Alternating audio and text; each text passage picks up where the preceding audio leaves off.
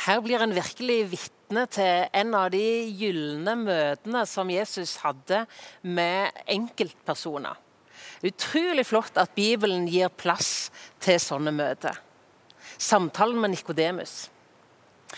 Jeg tror det er kjent for mange av oss at, at vi kan kjenne på at vi har mange spørsmål. Det kan være sånne enkle spørsmål som går på hva koster en brus, eller hvor er veien til, eller et eller annet sånt. Og så er det mer vanskelige spørsmål, som eh, kan gå på Er jorda skapt på seks dager, eller eh, Mange sånne forskjellige spørsmål kan man kjempe med. Noen spørsmål de er mest knytta til fornuften vår, til forstanden.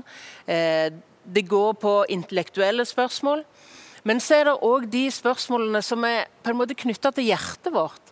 Altså eh, Spørsmål som vi kan kjenne vi har et sånn følelsesmessig engasjert forhold til. Eh, hvordan er det egentlig med meg og Gud? Er jeg god nok? Jeg tenker at denne teksten her, denne filmen som vi her har sett, eh, en illustrasjon av Jesus sitt møte med Nikodemus. En mann som hadde mange spørsmål, til tross for at han var en lærd mann, en skriftlærde. Han hadde en lang utdannelse. Han hadde en god kjennskap til jødene sin tro. Han visste på en måte hva skal man gjøre, og hva skal man ikke gjøre for å leve med Gud, for å ha kontakt med Gud. Han var på en måte en del av den åndelige eliten, liksom. Og Han var i tillegg en fariseer. Han var med i det mest konservative, mest strenge religiøse partiet. De som tok det skikkelig på alvor. Og så er det denne Nikodemus, da, som har blitt så nysgjerrig på Jesus. At han oppsøker Jesus på natta, står det. Eh, om det var fordi at eh, han helst ikke ville at andre skulle vite at han gikk. Eller om han var litt sånn beskjeden, eller hva det var. Det står jo ikke konkret. Men man ser hvor fint Jesus tar imot ham. Jeg tenker meg at eh, Nikodemus, som kanskje hadde vært spent på samtalen, han kjente seg så velkommen. Han kjente liksom at her er det en som virkelig ønsker å lytte til det jeg har å si. En som kjenner meg. Og Det syns jeg er fint å tenke på for oss. Med mine spørsmål og med dine spørsmål. Jesus han ønsker oss velkommen med våre ærlige spørsmål. Men det er jo en litt rar start på samtalen, syns jeg. Det er liksom som at eh, Nikodemus starter med å, å, gi en positiv omtale om Jesus. Rabbi, vi vet at du er en lærer som er kommet fra Gud. For folk kunne ikke gjort det som du gjør, uten at Gud er med han. Og så kan man spørre hvordan reagerer Jesus? Vet du at Jeg har på en måte tenkt at, at ikke Jesus ble liksom sånn kjempebegeistra. Endelig så er det en av disse liksom i den religiøse eliten som har blitt nysgjerrige på hvem jeg er, som er en positiv innstilling til meg. Jeg kunne sett for meg at han ropte på disiplene og sa nå må dere komme og bli kjent med Nikodemus. Han er faktisk positiv. Men det er underlig med Jesus. Han, han tar en helt annen retning. Det er nesten som at eh, Jesus han, han svarer ikke på det Nikodemus har som positiv omtale, men han, han, går rett på det som kanskje er Nikodemus sitt djupeste spørsmål. Er det godt nok med det jeg gjør, og det jeg ikke gjør? Er det i orden med meg og Gud? Og så sier Jesus noe som nesten tar litt sånn lurven av Nikodemus. Bare en liten parentes her. Jeg tenker at Det er utrolig fint å vite at Jesus han kjenner meg så godt at han kjenner òg spørsmålene mine. Han kjenner det som jeg lengter etter, han kjenner det som jeg ikke forstår. Han kjenner det som jeg kjemper med. Og om jeg ikke helt klarer å formulere det, så vet Jesus det. Men jeg tipper at Nikodemus han, han, han, ble skikkelig sånn satt ut når Jesus kommer med sin respons. Uten at den blir født på ny, kan han ikke se Guds rike. Født på ny. Det er på en måte som at Jesus ødelegger hele Nikodemus sin forestilling av hva vil det si å leve med Gud? Hvem er det som har del i det evige livet? Nikodemus hadde vært så opptatt av å gjøre det rette, mene det rette, la være å gjøre det som var feil. Og så er det som at Jesus på en måte bare overser akkurat det. Og så sier, sier Jesus det er noe som Gud gjør, Nikodemus. Uten at du blir født på ny. Født ovenifra. Så kan du ikke se Guds rike. Nikodemus blir helt forvirra. Hvordan er det mulig, Jesus? Jeg kan vel ikke komme inn igjen i mors liv og bli født? Det er jo, Jesus, det er jo helt, helt umulig. Jeg tenker Det, det sier noe òg om at uansett hvor flinke mennesker, uansett hvor kloke, hvor høy IQ man har, hvor lang utdannelse man har, så er det felles for alle mennesker at man kommer til noen punkt der mysteriet slår inn. Der det slår inn som vi ikke kan forstå. Og her hadde Nikodemus tydeligvis kom til grensen, ja, langt over grensen av det han kunne forstå. Og så husker vi at Jesus han snakket om vinden. ikke sant? Du ser han jo ikke, Nikodemus, men du ser virkningen av han. Du vet ikke hvor den kommer ifra, du vet ikke hvor den går hen, men den fins. Den fins. Det er mange ting som fins, Nikodemus, selv om det at du ikke forstår det, selv om det at du ikke ser det. Født på ny. Det er noe Gud gjør. Selv om du ikke forstår det, Nikodemus.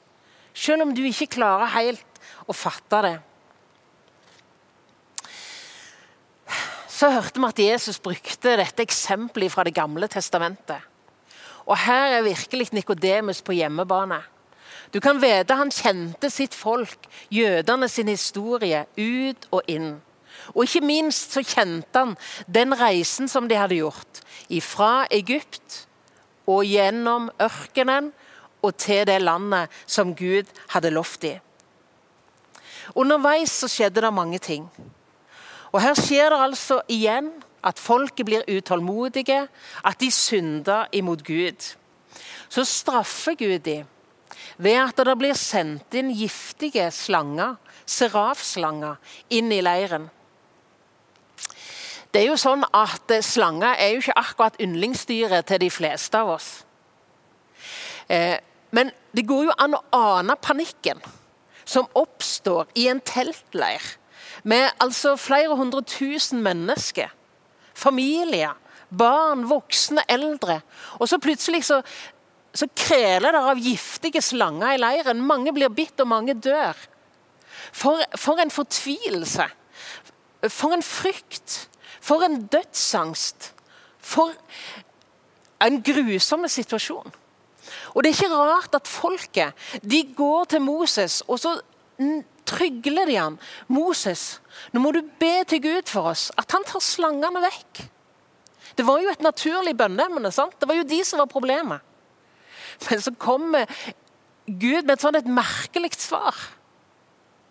Moses, du skal lage deg en slange av kobber. Du skal heise den opp på ei stang. Og uansett om folk er nær, har teltet sitt nær ved, eller om de er langt vekke Uansett, de som ser på den kobberormen eller bronseslangen, din, de skal bli i live. Det var jo helt ufattelig. Men Nikodemus visste at det hadde skjedd. Han visste at det var en realitet. Så underlig svar en kobberslange på ei stang. Og man blir helbreda. Man får del i livet. Det var Guds måte å frelse på. Og så er det jo så tydelig at Jesus gjør en kobling her. Nikodemus, det er et forbilde. Liksom Moses løfter opp slangen i ørkenen. Sånn skal menneskesønnen løftes opp. For at hver den som tror på Han, skal ha evig liv. Sånn som Moses løfta opp slangen i ørkenen, sånn skal menneskesønnen løftes opp. Ser evig liv.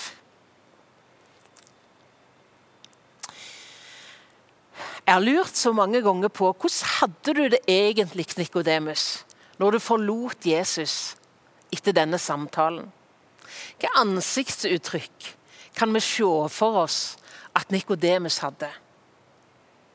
Det står ingenting om at Nikodemus ble overbevist om at Jesus hadde rett. Det står ingenting om at Nikodemus ble en del av disippelflokken til Jesus. Men når vi møter Nikodemus, så ser vi at han omtaler Jesus på en positiv måte. Jeg har bare lyst til å si at vi mennesker vi, vi er ganske forskjellige. Vi har ulike historier, vi har ulike personlighet. Og jeg tenker at veien vår til Jesus og veien vår i sammen med Jesus, den kan være ganske forskjellige. Noen har kjent til Jesus ifra de var små, kanskje vokst opp i en kristen heim. Gått i barnearbeid og, og på en måte alltid hørt Jesus til. Og de har på en måte ikke så mange spørsmål, de er ganske aksepterende i sin personlighet. Men så er det andre som har akkurat samme historien. Som ikke har en så aksepterende personlighet eller holdning. Som kjemper med spørsmålene, som må finne ut av ting. Sånn er vi forskjellige. Men alle er vi skapt av Gud. Om du kjenner mye av Bibelen, om du kjenner mindre av Bibelen, om du har vært kristen lenge, eller om du er nysgjerrig på det med Jesus Jesus har litt ulike veier for oss, men det som er felles for oss alle, det er at Jesus er interessert i å møte oss. Han er interessert i at vi skal komme til han med spørsmålene våre, med tankene våre, med lengselen vår. Han som har skapt oss, han som elsker oss. Han ønsker kontakt. Han ønsker at vi skal få del i det evige livet. Jeg har også lyst til å be deg fylle Nikodemus sitt eksempel. Gå til Jesus. Bruk gjerne en kristen leder Bruk gjerne ei smågruppe nå i etterkant. Send inn et spørsmål til Grill en kristen, eller hva det måtte være. Ta fram spørsmålene dine. Jeg håper du er i et kristen fellesskap der det er lov å spørre. Der det er lov å være usikker, der det er lov å være underveis. Guds vei med oss, den er forskjellig. Hvordan gikk det med Nikodemus? Det har gått ganske lang tid. Vi har kommet til den siste påsken, når Jesus blir tatt til fange, torturert.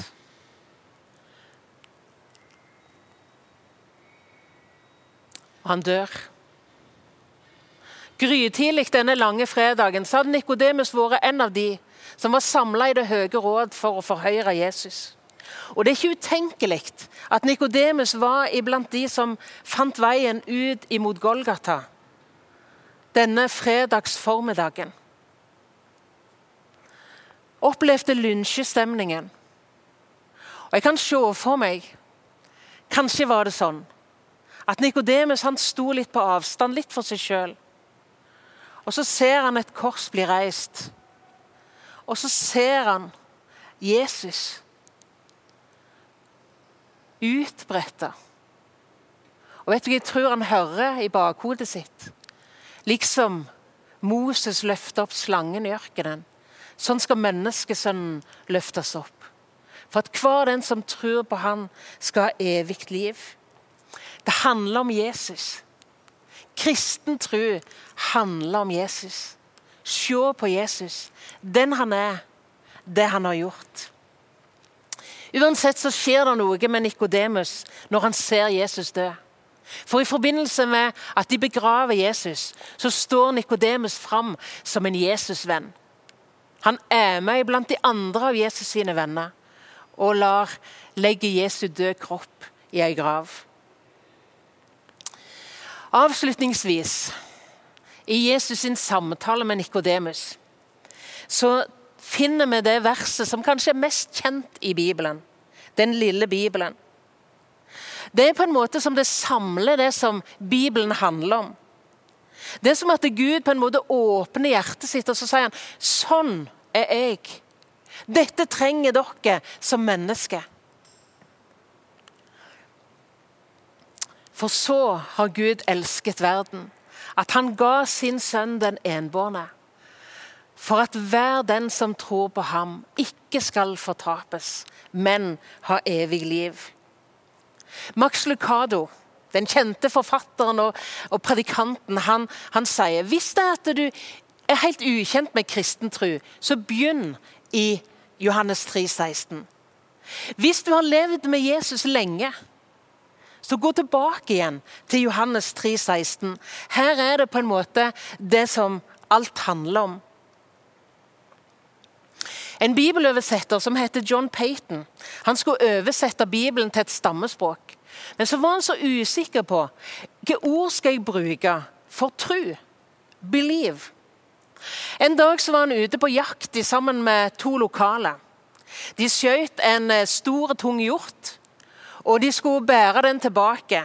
Feste den til en påle, og disse to karene de bar, eh, bar eh, dyret tilbake igjen til huset. Og når de kom tilbake, så vakler de liksom etter en strabasiøs tur. De, de, er helt utslitt. Så liksom lander de på terrassen utenfor. De siger sammen i, et, i en stol, og så bruker de følgende ord på sitt språk. It's good to stretch yourself out here and rest. To stretch yourself out here and rest. And rest. Og da fant John Payton sitt ord for tru. Da fant han formuleringen. Det handler om å hvile Jesus. Det handler om å lene seg på Jesus. Vær hos Jesus. Der er frelsen. Hos Han som elsker, hos Han som ga. En har sagt om du var det eneste mennesket i verden, så ville Jesus dødd bare for deg. Det kan være vanskelig å tro og forstå og bli født på ny. Men det er jammen vanskelig å forstå òg tenk at du og jeg er så høyt elska av Gud at han ville sendt Jesus bare for deg. Bare for meg. Kanskje du kan prøve å sette inn ditt eget navn i den lille Bibelen. For så har Gud elsket Aud deg. Amen.